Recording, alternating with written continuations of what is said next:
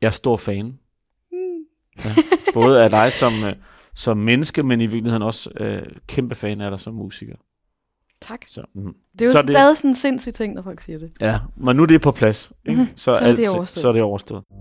Du lytter til Skiftet med Flemming Møldrup. Podcasten er sponsoreret af Home. Kom godt hjem. Et skift i livet kan komme som et lyn fra en klar himmel. Pludselig, og helt uden advarsel, står man ved en skillevej og skal gentænke sin tilværelse. Nogle skift kræver et langt tilløb. Tør man? Vil man det nok? Et skifte er en samtale værd.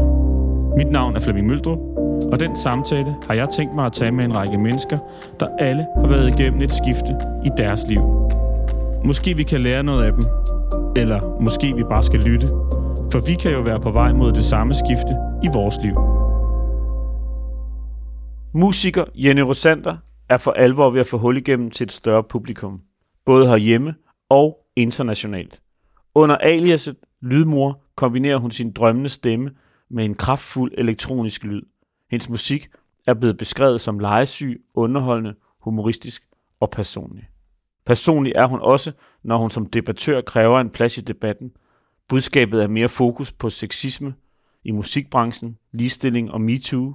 I dag er Jenny Rosander lige så kendt som feminist som musiker. Hun har udgivet fire soloplader, lavet musik til flere teaterforestillinger. I 2016 flyttede hun til Shanghai for at udforske byens storby-vibe og skubbe til hendes kunst. Det skifte skal vi tale med Jenny om i dag. Tak fordi vi må komme og besøge dig. Selv tak. Jeg bliver nødt til at sige, at øh, du er jo kun, kunstner nummer to, som vi har med i skiftet, som har sagt nej tak til et forinterview. Mm-hmm. Og det sætter jo, øh, det skubber jo øh, bolden massivt over til os, der ligesom prøver at tilrettelægge det og skal komme her og interviewe dig. Fordi at øh, vi ved faktisk ikke rigtigt, hvor samtalen skal føre hen, eller, eller føre os hen. Ja, det er ikke så, spændende. Jo, det er mega spændende. Og jeg vil bare sige, at selvom at, øh, jeg er skide nervøs for, hvordan øh, det skal gå, så er jeg også totalt øh, eventyrlysten. Fedt. Øhm, og øhm, Shanghai, Shanghai. det er et vildt sted at flytte hen, synes jeg. Ja. Øh, hvorfor, hvorfor flyttede du derhen? Eller hvorfor valgte du Shanghai? Det er sjovt, fordi jo længere tid jeg, jeg kommer væk fra beslutningen, jo mere mystificerer det også mig selv. Hvorfor det lige var Shanghai. Jeg tror, jeg ledte efter, øh, jeg ledte efter et sted, hvor at der ikke var nogen historie skrevet på forhånd. Jeg havde hørt mange sådan nogle, man kender historien, musikere flytter til LA to try and make it. Mm. Eller øh, musikere flytter til Berlin, eller kunstnere flytter til Berlin for sådan at være indie cool. Altså, der var ligesom sådan New York, og sådan de der store byer. Følte jeg på en eller anden måde, at inden jeg satte mig ind i flyet, så var det sidste kapitel allerede skrevet. Og så opstod den her tanke om Shanghai ligesom i mit hoved, på et tidspunkt, hvor jeg virkelig havde brug for at komme meget langt væk. Og jeg havde været der nogle gange på tur. Jeg har turneret meget i Asien. Og der var et eller andet over den by. Det var, sådan, det var bare et kæmpe spørgsmålstegn. Hvad fanden er det? Det er Kina, som jo er altså et ret sp- specielt land med et Mm. ret specielt styre og øh, en ret speciel kultur. Gammel, fantastisk kultur også. Og så er det den her by, hvor der bor helt sindssygt mange millioner mennesker. Og der var sådan et eller andet, jeg var sådan, hvad fanden sker der med mig, hvis jeg tager derhen? Og på en eller anden måde, så var det også den helt rigtige ting at gøre. Og så hoppede du på en flyver? Ja. Hvad havde du planlagt, da du fløj ud? Intet. Intet. Vidste du, hvor du skulle bo? Øh, ja, jeg havde en, en fremleg. Okay. Okay. Øh, jeg havde fundet på sådan en, jeg fandt en Facebook-gruppe, der hed Rooms in Shanghai. øhm, og øh, det var meget sjovt. Øh, Jeg, det, jeg boede der den første måned øh, sammen med øh, tre italienske dudes, som studerede på sådan en business school. Og jeg ankom jo ligesom sådan helt hyped op. Fordi det var en, det var en ret stor ting, at jeg tog til Shanghai. Hvis vi skal beame lidt tid tilbage mm. Inden min ankomst, så havde jeg aflyst en kæmpe pladeudgivelse og en turné og alt muligt, og sagt stop på hele min karriere til både mit pladeselskab og mit managements store frygt og forarvelse. For, Hvor, hvorfor det? øhm, fordi jeg var kommet på et forkert spor. Over en længere periode var jeg blevet afsporet Mm. fra kernen af, hvad jeg ville. Og så det blev lige pludselig altså helt forfærdeligt at være i. Mm. Det er du jo ikke den første kunstner, der har prøvet, tror jeg, Mm. at, at, at føle, at man, at det, man bliver slugt af, af karrieren og ja. Ja. det kommercielle interesse og sådan noget. Var det der, du var også? Ja, det var rigtig meget der, jeg var. Og, og altså, som barn og, og også som teenager, der har, har jeg altid været super interesseret i at fortælle historier. Jeg ville være filminstruktør, og jeg elskede magi, og jeg elskede at lave små ting. Så lavede jeg teaterstykker med mine kusiner, eller så skrev jeg små operetter, eller lavede jeg maleri, eller sådan. Og det var bare så rent ved sådan at elske det skabende. Og så kom jeg ind i musikbranchen øhm, relativt tidligt. Jeg var 18 øhm, da jeg udgav første gang. Og det gik sådan ret hurtigt, at jeg fik noget musik på P3, og jeg ligesom blev en upcoming artist, Mm. og kom ind i det game. Og jeg tror, jeg blev ret øh, bulldozet af den der sådan lidt popularity game, der findes i musikbranchen, og som er nem at komme til at falde ind i, som er, uh, soundvenue skal kunne lide dig, og for mm. at Mhm. de skal det, så så du skal gå i noget lidt cool tøj, og du skal være sådan lidt på den der måde, eller være lidt trendy, eller sige de rigtige ting, og høre det rigtige musik. Og der var et eller andet sådan, nok sådan noget, nogle folkeskoletraumer om ikke at være den populære, og sådan mobning og sådan noget, som på en eller anden måde gjorde, at jeg bekymrede mig så meget om det. Og tænkte så meget over, hvad andre folk ville tænke om det, jeg udgav nu var det rigtige, og det påvirkede mig lidt på mit første album, men rigtig meget på mit andet album, Y. Hvor at jeg lavede det og følte, jeg var sådan, jamen er det her måske, det, måske det er godt, og sådan, det, det kan måske være det det, og så udgav jeg det i Danmark. Og det gik egentlig fint, men jeg havde det sådan lidt underligt med det. Jeg var sådan lidt, åh, jeg tror ikke, at det var det, jeg skulle have. Og alle blev ved med at sige til mig, ah, du er fantastisk, du skal bare lige blive lidt mere elektronisk, eller du skal bare lige blive lidt mere trendy, eller lidt mindre trendy, eller lidt mere poppet, men på sådan en edgy måde. Der var rigtig mange, der havde mange gode idéer til, mm. hvordan li- jeg skulle blive en kæmpe succes, og kunne jeg måske være lidt ligesom Mø også, kunne være rigtig godt.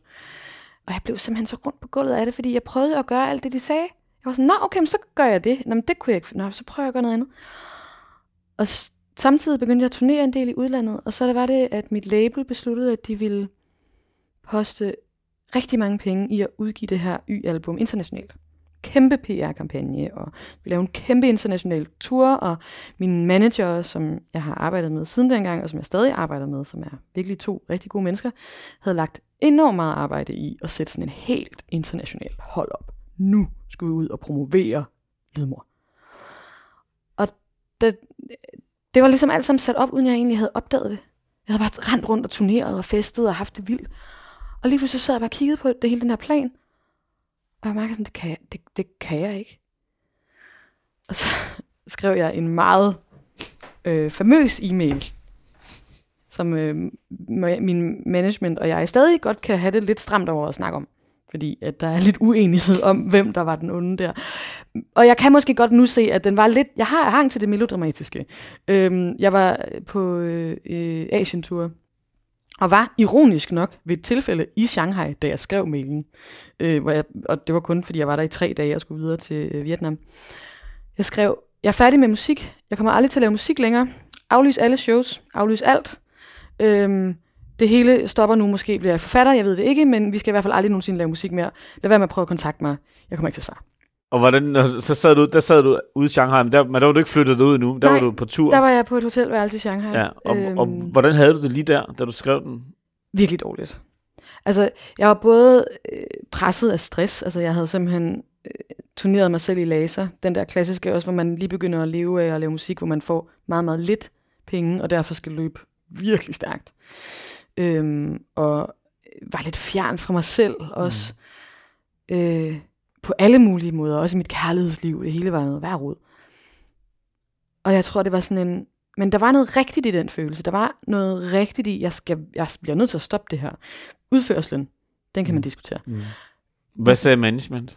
Altså, de blev jo pisse bekymrede, de søde mennesker. Altså, de kimede mig ned, de var jo helt bange for, at der var sket et eller andet. Altså, de kunne ikke forstå, fordi jeg havde ikke nået at fortælle dem om hele indløbet, så jeg ikke fortalt dem, hvordan jeg havde det. Mm. Øhm, det var først, da min mor begyndte at ringe, fordi de havde taget fat i hende. Mm. Og var sådan, hvad, hvad sker der? Hvor er du? Hvad laver du? Og jeg var sådan, nej, jeg har det fint. Jeg er bare fucking forvirret. Mm. Og så tog jeg hjem til Danmark og spillede troskyldigt to koncerter mere.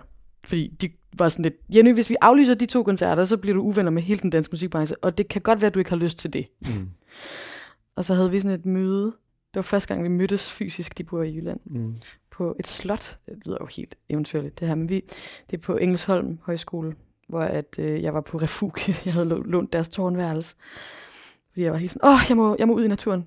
Jeg låner Engelsholms tårnværelse. Og så kom de gående henover, altså der er simpelthen sådan en gangbro henover, hvad hedder det, sådan en... Voldgraven. Ja, præcis. Mm. Mm. Og så satte vi os op i tårnværelset og diskuterede. Og de var meget overraskede over, at jeg stadig gerne ville til Shanghai. Og jeg ville væk. Og jeg ville tage en lang, lang pause. Og en af dem, han sagde den sødeste ting. Han sagde, på et tidspunkt næsten tårvedet. Jeg troede, vi skulle planlægge ting til det her møde. Jeg har taget farvede post-its med. Og jeg sad bare med krydsede arme. Næ. Jeg vil ikke planlægge noget som helst. I'm done. Ja. Og så tog de afsted, og så tænkte jeg, nu fyrer de mig. Nu mister jeg dem, og det må jeg gøre. Fordi jeg kan ikke fortsætte sådan, jeg bliver nødt til at, at finde en måde at blive en kunstner, jeg kan respektere. Jeg, kan, jeg kunne ikke respektere mig selv. Men Det var det, der var sket i det her, hvad skal man sige, den her, i det her massive forløb, at Ja. det var, at du havde mistet respekten for dig selv. Ja. For, din, for som kunstner.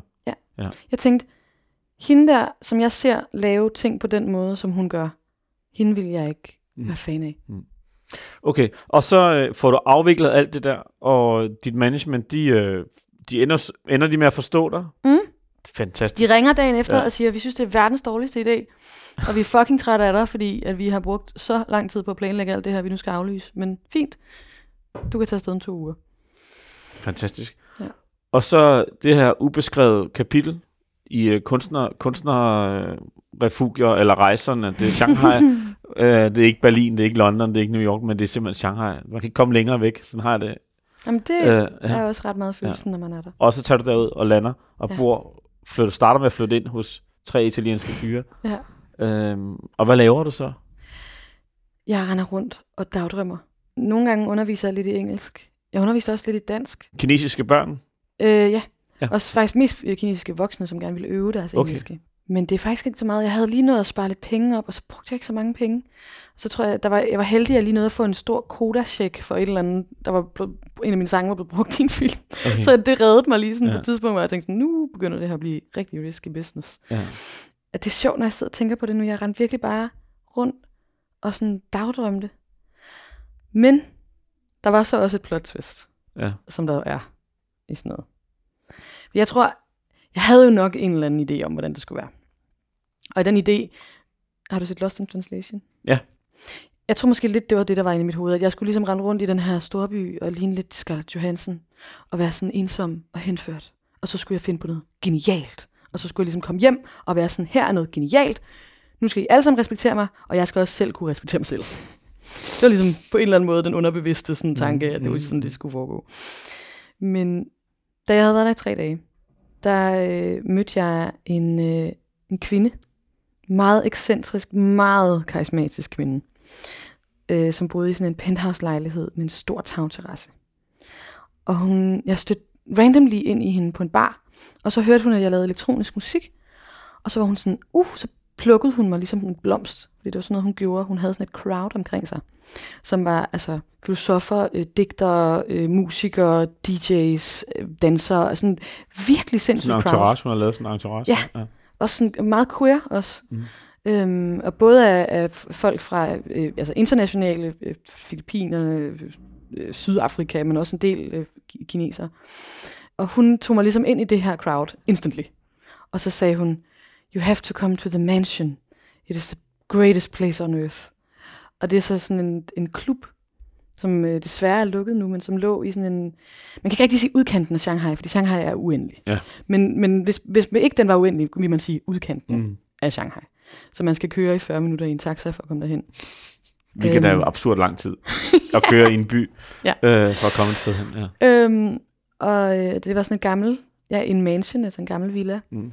øhm, hvor at dem, der havde det, boede ligesom i overetagen, og så stuen og kælderen var ligesom bare den her psykedeliske klub. Der var sådan nogle underlige malerier på væggene af sædceller, og meget, meget, meget psykedelisk. Og mystisk sted, der gik alle mulige historier om den russiske mafia, og altså det var virkelig sådan et sted, der bare føltes otherworldly.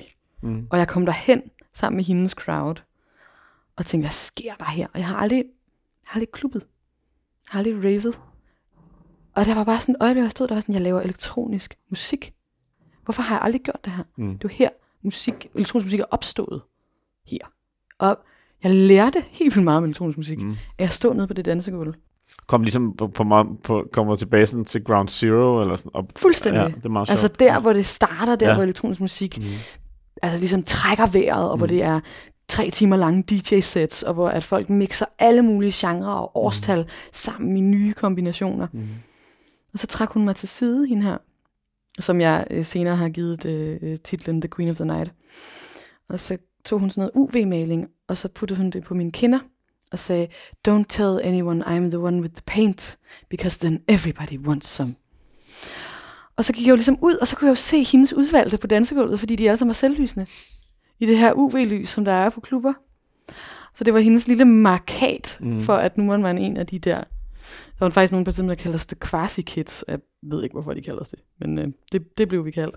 Så ret tidligt, det er tre dage, du, efter det er tre, tre dage, dage. møder du hende her, Ja. her ikke? Og efter seks dage er jeg på Mansion første gang. Og, så lu- og, og måske i virkeligheden også lukket ind i sådan en indercirkel. Ja. Ja, og det er ret Øh, flot. Shanghai's techno-rave-scene. Ja. Øhm, som også meget hurtigt, lige efter jeg kom, faktisk også begyndte at inkludere øh, tre øh, meget unge kinesiske øh, kvinder, som blev DJ's, mens jeg boede der. Altså som tog hen til DJ-kursus, og fandt ud af, at de var meget federe til at tabe det, end alle andre. Ja. Og så tæskede de bare alle de mandlige DJ's på Shanghai's techno-scene. Nå, fedt. Det var rigtig ja. sejt. Og det sjove var, at jeg sådan ligesom på en eller anden måde, det var så, den historie, jeg var i, var bare så sindssyg. Og så smuk og farlig, og også masser af darkness og drugs og risiko og altså folk, der levede meget på kanten, Ja. og mennesker, der ikke vidste, hvad de skulle gøre af sig selv. Jeg får sådan en Blade Runner-vibe, når du siger det. Ja. Altså, øh, det der neon og hele tiden skiftet mellem nat og dag. Og, Og du har jo også øh, den, den der kinesiske storby fog ja, forurening. ja, præcis. Smokken Som- der, som er... Men I hate to say it, men den er virkelig pæn. Ja, så ja, sådan, det gør noget ved lyset og det gør nemlig noget, ja. ja. bliver, neonskiltene Ja. ja. bliver jo sådan helt... Øh, duschet. Ja, det er ret magisk. Hvad laver I så? Altså, Vi raver. I raver. Og hvad, raver. hvordan raver man? Jamen altså, øh, nu skal jeg jo passe på, hvad jeg siger. Og så har jeg allerede sagt for meget. Ja, Men, øhm, øh, ja. men, men det er jo sådan noget med, at, at man tager hen det her et, et, på en klub, og så sidder man og snakker lidt, og så går man ned på dansegulvet. Og så er det ikke fordi, det er ikke en dans, hvor man prøver at, at imponere nogen. Mm. Det er ikke en dans, der er en performance. Det er en dans, hvor man bare prøver at lade kroppen forstå, hvad sker i musikken. Og man kan stå i en time uden at tale med nogen. Og så nogle gange, så hvis der sker et eller andet, hvis der lige kommer en hi-hat ind, tuk, tuk, tuk, tuk, som er rigtig fedt, så kan man lige udveksle nogle blikke, sådan, okay, det der var fint. Okay, sindssygt. Mm. Og så står man igen i det og lytter. Det er en helt anden måde at lytte til musik på, end jeg nogensinde har oplevet. Altså, det, man mærker musikken. Man Eller mærker musikken, og det er meget længere forløb. Ja, ja, Jeg var vant til pop og ja. vers om Crazy Was, Ja, og så præcis. tre minutter senere, så var det det. ja. Altså det her, det er meget mere sådan, okay, jeg har ikke hørt øh, bas i 15 minutter, Ja. og nu kom der bas, og det er det vildeste, jeg nogensinde har oplevet. Øhm, jeg har også set DJ's fejle, altså, hvor at, at de begyndte at DJ. Der var på et tidspunkt en stor hollandsk DJ, der var på besøg i Shanghai, og som havde hørt om The Mansion, som så kom der ud efter hans koncert. Og så spillede han bare ikke specielt fedt. Jeg tror, han var lidt fuld. Dansegulvet uh, blev bare ryddet med det samme. Hmm. Folk var sådan, nej, det gider vi ikke. Og du går så rundt i, eller du er en del af alt det her. Du bliver mm. en del af alt det her, ikke? Mm-hmm. Altså det her crowd og den del her scene. crowded, og vi mødes jo også alle mulige andre steder Ja. i hverdagen, øh, og jeg ender også med at bo sammen med nogle af dem i et andet kollektiv, efter Okay. min fremleje er forbi. Og hvad sker der med dig, mens øh, alt det her det stille og roligt øh, udvikler sig? Jeg bliver bare fuldstændig opslugt. Og jeg glemmer egentlig, hvorfor jeg kom. Jeg glemmer alt det, fordi historien er så vild. Jeg bliver forelsket øh, i, en, i en mand fra det her crowd, mm. som flytter så til den præcis anden side af jorden. Øh, 12 timer væk. vi, har, vi har præcis modsat øh, døgnrytme. Mm. Øhm, jeg bliver vildt fascineret af hende her, The Queen of the Night, og Mm. hendes måde at, at manøvrere hendes crowd i en by, hvor alle folk hele tiden kommer og forlader det igen.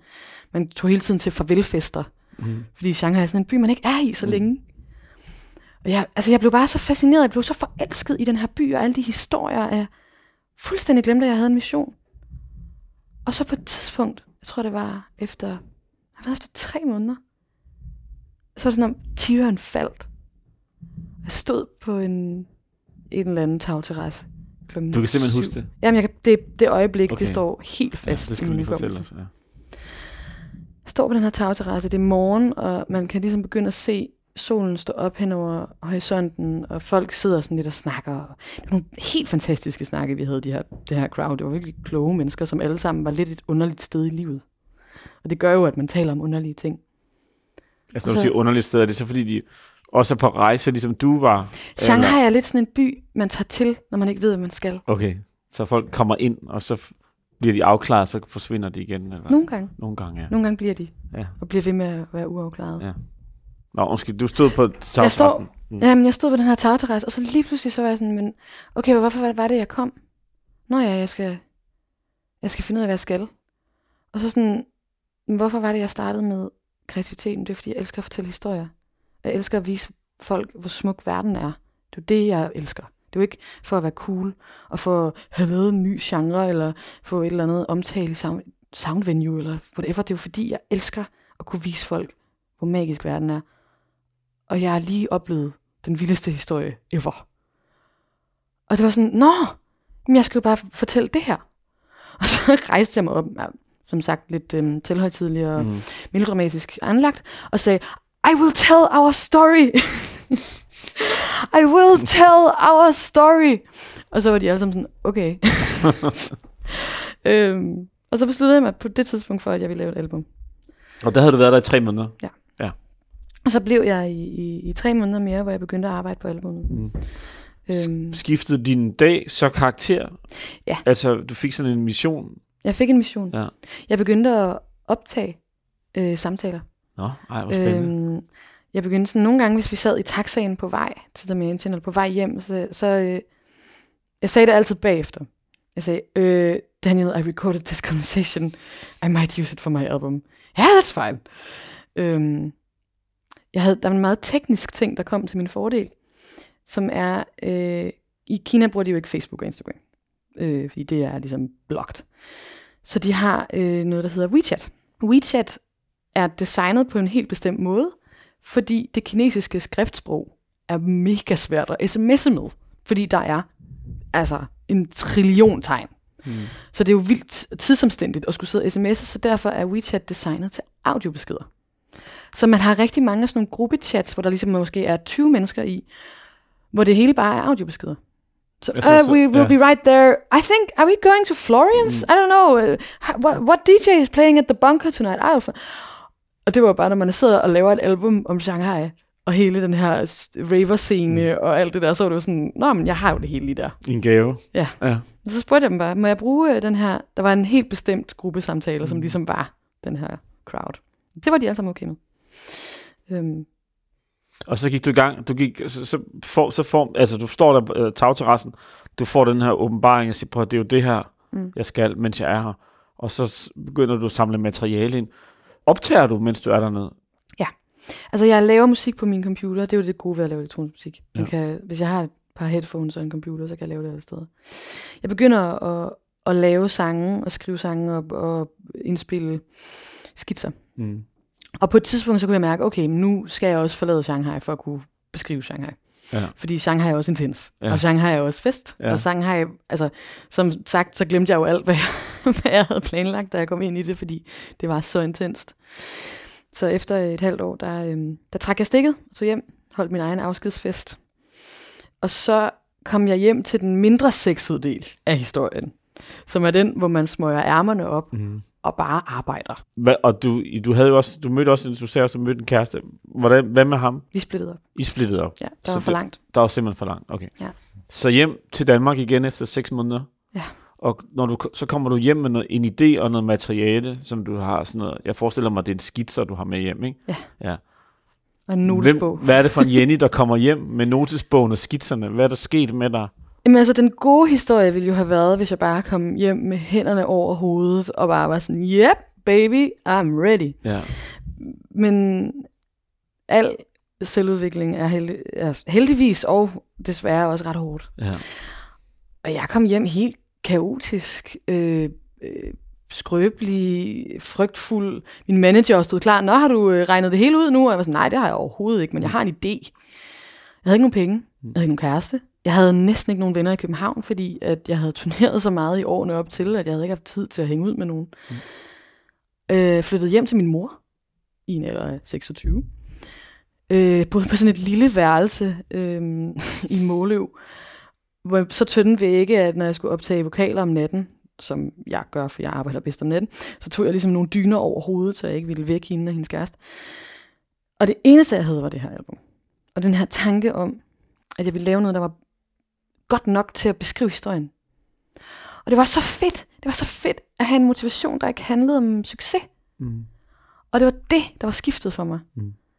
Det var det der med, at før, der havde det på en eller anden måde handlet om, at det skulle være, jeg skulle lave noget musik, som kunne bevise, at jeg var god nok til at, og hvis så jeg gjorde det, så kunne det være, at jeg fik lov at lave, hvad jeg havde lyst til. Men jeg skulle lige bevise, at jeg var god nok, og det jeg fandt ud af, det var jo, at jeg nåede jo aldrig til et tidspunkt, hvor jeg, der fik, kom jo aldrig et brev med posten, der sagde, du er god nok. Mhm. Det, der, Nej. det sker jo ikke. Du ville være blevet ved med at skulle arbejde under den præmis hele tiden. Ja.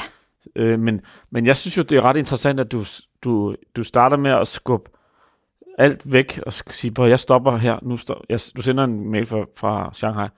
Jeg er færdig med musik. Hvis du skal af, I skal aflyse alt. Så tager du tilbage til Shanghai, fordi du vil ud og, og blive lidt tydeligere på, hvad det er, der skal foregå. Og så finder du faktisk dit formål i Shanghai. Mm. Og så kommer du hjem, ikke styrket, men det lyder som om, du kommer hjem mere skrøbelig. Ja. Hvorfor Jamen- tror du, du kommer hjem mere skrøbelig? Jamen fordi, at, at på en eller anden måde var jeg jo... Jeg var i gang med den reelle del af processen. Ja. Og ikke i drømmen om processen. Drømmen om processen er jo nemt. Nå, men så tager jeg bare til Shanghai, så bliver jeg federe. Menneske, kunstner og alt. altså, det er jo vildt fedt. Mhm.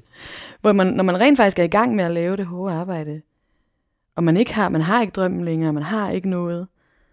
Det er der, det er hårdt. Det er det Ja. ja. hårde skift. Ja.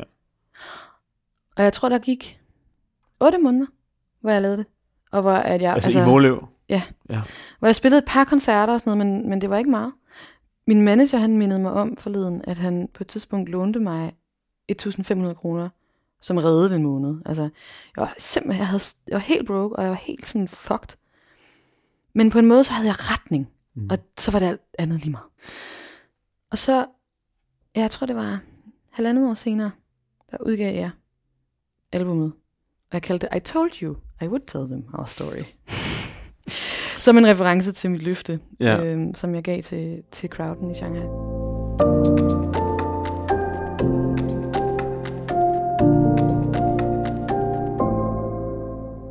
Nu kommer der noget cornigt, det må du undskylde. Mm, Der jeg findes elsker en, øh, corny ting. en film, der hedder Point Break fra 80'erne med Patrick Swayze og Keanu Reeves, som er sådan en surfer kriminalfilm.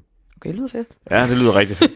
Men der, der, er sådan en, der er sådan en meget fed replik i, som jeg egentlig meget godt kan lide, hvor, hvor øh, Patrick Swayze, han er ligesom surferen, og den kriminelle, og Keanu Reeves er FBI igen.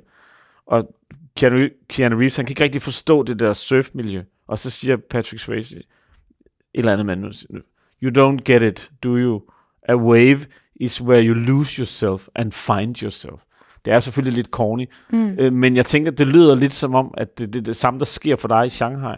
Ja. Det der med, at du kaster dig ind i den her storby, og så mister du på en måde også den gamle Jenny, altså hende, der var underlagt øh, kravet om at skulle performe og levere, og kunne, kunne, øh, kunne øh, gøre alle glade. ikke? Mm. Og så finder du en anden Jenny frem. Ja, og hun, det tog noget tid at lære. Det tog noget tid at lære der. Nogle gange så kan man godt tale meget om sådan beslutningen. Uh, jeg har tænkt mig at have kunstnerisk integritet. Mhm. sådan om det er et punkt. Mhm. Og så nemt er det desværre ikke. Mm. Det tog ret meget tid at lære at, at, at arbejde på den måde. Mm. Og, og hele tiden minde mig, altså fordi tankerne om succes, eller hvad de andre vil tænke, eller om det er cool, eller trendy, mm. de kommer jo, det er jo invasivt. Vi bliver Mhm. hele tiden fodret med ver- fra verden om, at vi skal være cool og sælge sin sæt os selv helt vildt. Så det, var, det er jo en, en muskeløvelse Mhm. at holde det væk. Mm. Men det var sådan om, at ja, jeg fandt et anker, jeg kunne hive fat i. Mhm. Den der sådan, jeg fortæller historier, og det er Mhm. det, jeg gør. Og jeg elsker at fortælle historier, og det er det, jeg elsker ved det Mm. som på en eller anden måde lige så stille kunne lede mig hen i en retning. Og på et tidspunkt, så begyndte det bare at blive virkelig sjovt at lave ting. Mm. Altså, Prøv at jeg fortælle, havde- hvorfor, hvorfor begyndte det at blive det?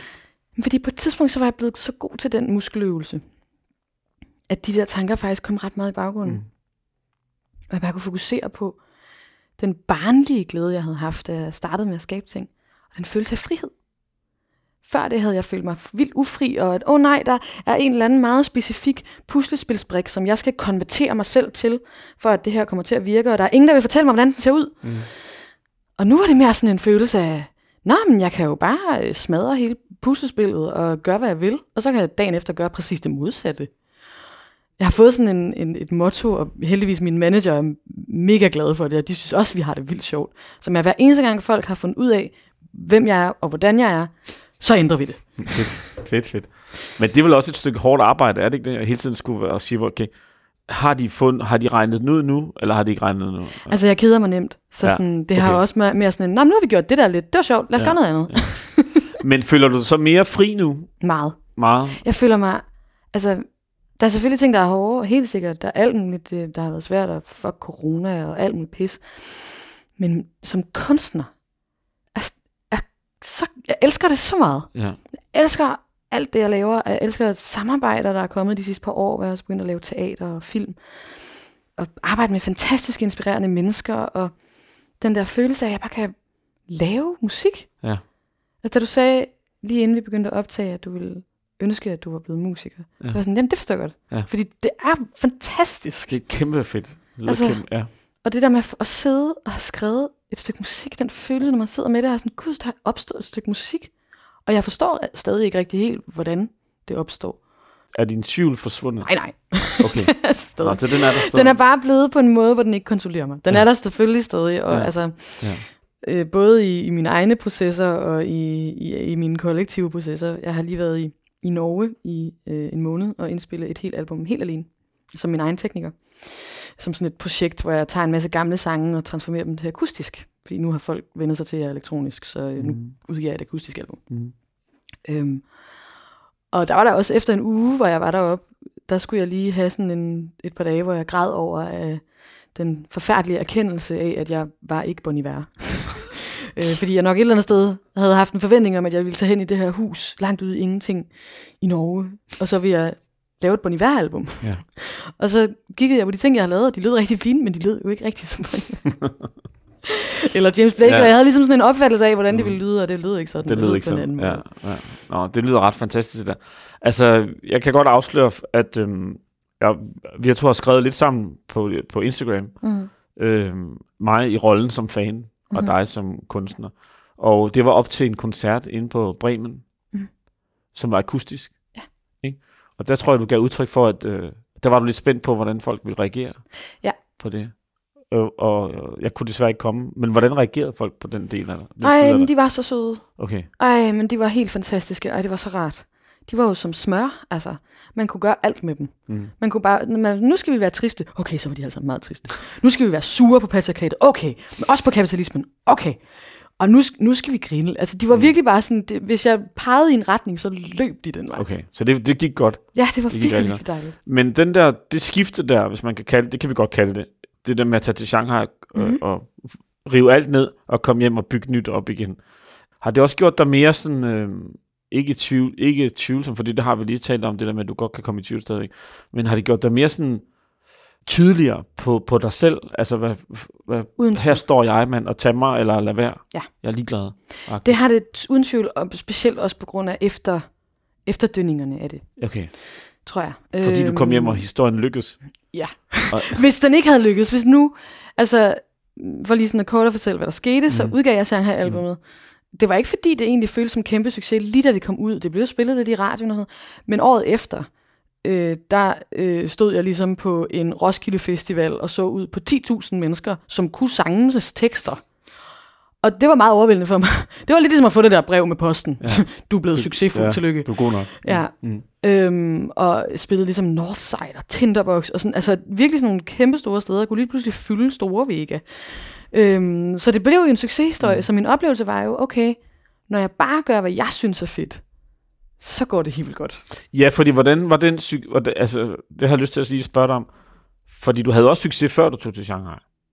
Men det er ikke helt så meget. Nej, okay. men, du, men, men, øh, men fordi, hvordan føles den succes, så, som kommer af at have truffet det, det valg, hvor jeg siger, prøv, jeg skal ikke have noget af det, I tilbyder mig. Jeg skal, jeg skal selv finde på det her, og, og så få succes med det. Hvordan føles den succes? Det var helt fantastisk. Også fordi det var virkelig, altså inden da, der, det, jeg tror, jeg havde lidt ro, ligget og skuret i sådan undergrunden med en masse, der hele tiden sagde, jeg forstår ikke, du ikke er en større artist. Hvilket var et dejligt kompliment, men sådan, når man får det sådan 10 gang på en uge, så begynder Ja. man sådan lidt, jamen måske vil jeg også bare gerne være en større artist. Ja. Øhm, og lige pludselig så kom jeg hen til et sted, hvor jeg var sådan, okay, men nu er jeg tilfreds. Altså, nu, jeg behøver ikke, det var dejligt med nogle ved jeg ikke, større spillesteder, men jeg synes egentlig, det, det her det er dejligt. Mm. Det er et godt niveau. Mm, mm.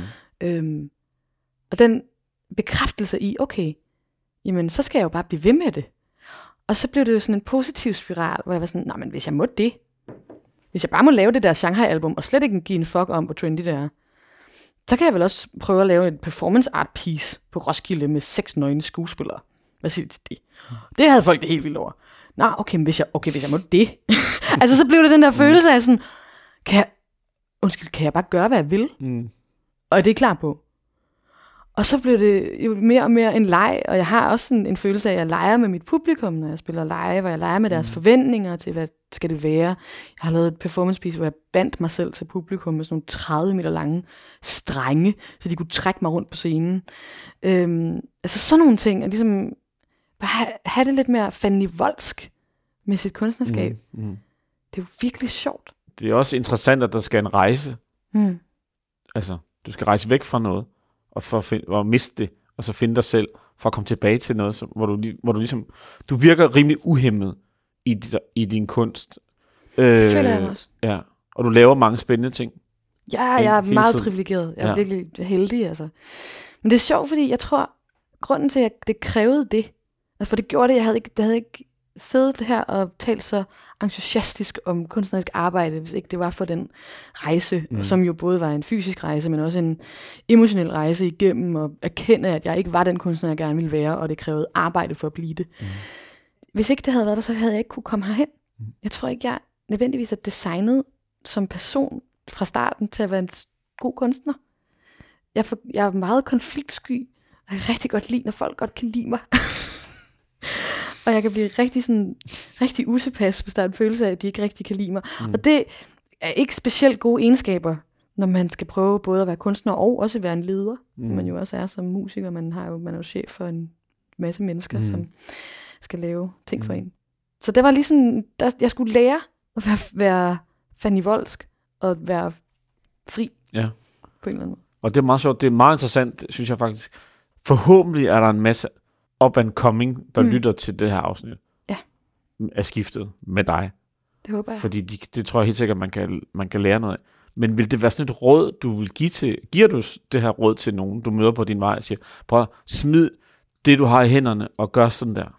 Jeg tror for det meste, at jeg prøver at give dem nogle råd, hvor jeg siger, hvis ikke du gør det her, så kan du ende med at være nødt til at Okay. gøre det der. Ja, Det okay. er ligesom the last resort. Hvis du laver fejl nok, så kan det godt være, at du bliver nødt til at gøre noget drastisk på et Ja. tidspunkt. Jeg plejer faktisk at sige til øh, unge, upcoming musikere, at de skal huske, at de er ankommet. At der kommer ikke nogen og giver dem tilladelse.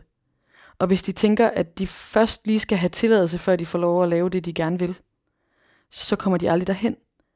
Fordi jeg følte ikke, at jeg fik tilladelse, da jeg spillede på Roskilde første gang.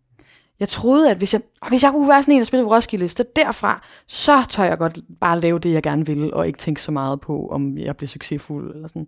Bare at sige dem, hvis du har lavet din første sang, så er du der. Så er du musiker. Tillykke. Happy birthday. Og gå ud og fejre det. Mm. Og så bare lav, hvad fuck du har lyst til. Nå, det er fandme et godt råd, det der, synes jeg. Øh, hvad hedder det? Fordi jeg tror, der er mange, der, der jo hele tiden, som er unge musikere, hele tiden prøver at kigge længere, længere, længere ud i horisonten. Ja, Præcis. og som, Og sige, som måske mm, tænker, at, at man søger den der officielle tilladelse. Er der ikke nogen, der giver mig lov? ja, Jeg har da ikke lov til at, at udgive noget og bare lave det musik, jeg har lyst til. Der, der skal jo ligesom være en eller anden, så skal Gaffa komme med en, en lang anmeldelse af min koncert, hvor de siger, at det er god musik. Så får jeg måske lov. mm-hmm. Øhm, vi mennesker har jo svært ved at, at tillade, øh, hvad er det udtrykket er, at stå i vores eget lys. mm. Og tillade at sige, hey, jeg må godt fylde lidt her. Og det, har, det gør du. Ja, det gør jeg nok. nu. ja, men det gjorde du ikke før. Det er det, der synes, der har været så interessant. Det er en spændende snak, den her. Mm. Øhm, jeg får lyst til at tage til Shanghai og fordybe mig i byen. Gør det. Men jeg tror, jeg, det er for sent, for jeg er for gammel, tror jeg. Jamen, altså, Men- Men... du, der er mange ting, man kan lære i. Også ting, der ikke har noget at gøre med techno. Øh, ja, fordi at, øh, det synes jeg er et svært, øh, en svær genre for mig, techno.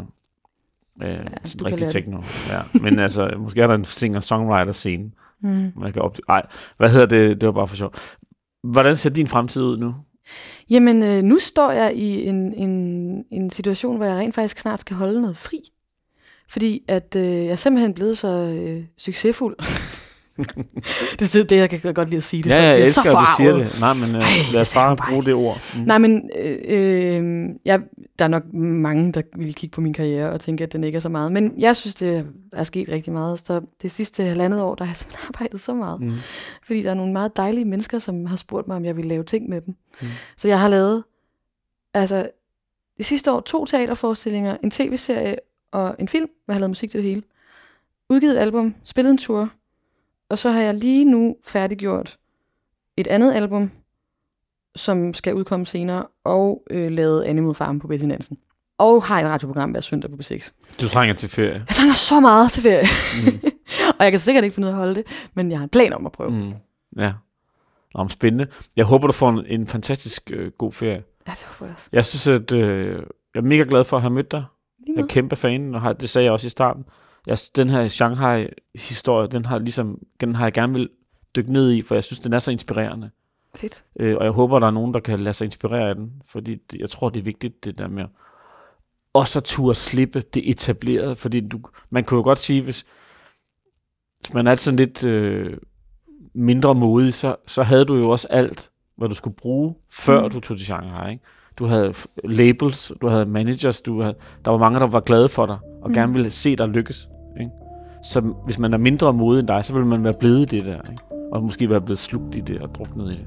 Så jeg synes, det er en meget inspirerende fortælling, den her Shanghai-fortælling. Det blev så at sige etableret, da jeg slap det etableret. Ja, præcis. Lige præcis. Og skal vi ikke slutte med det? Jo. Fedt. Tak fordi, at du gad at mødes med mig. Så tak.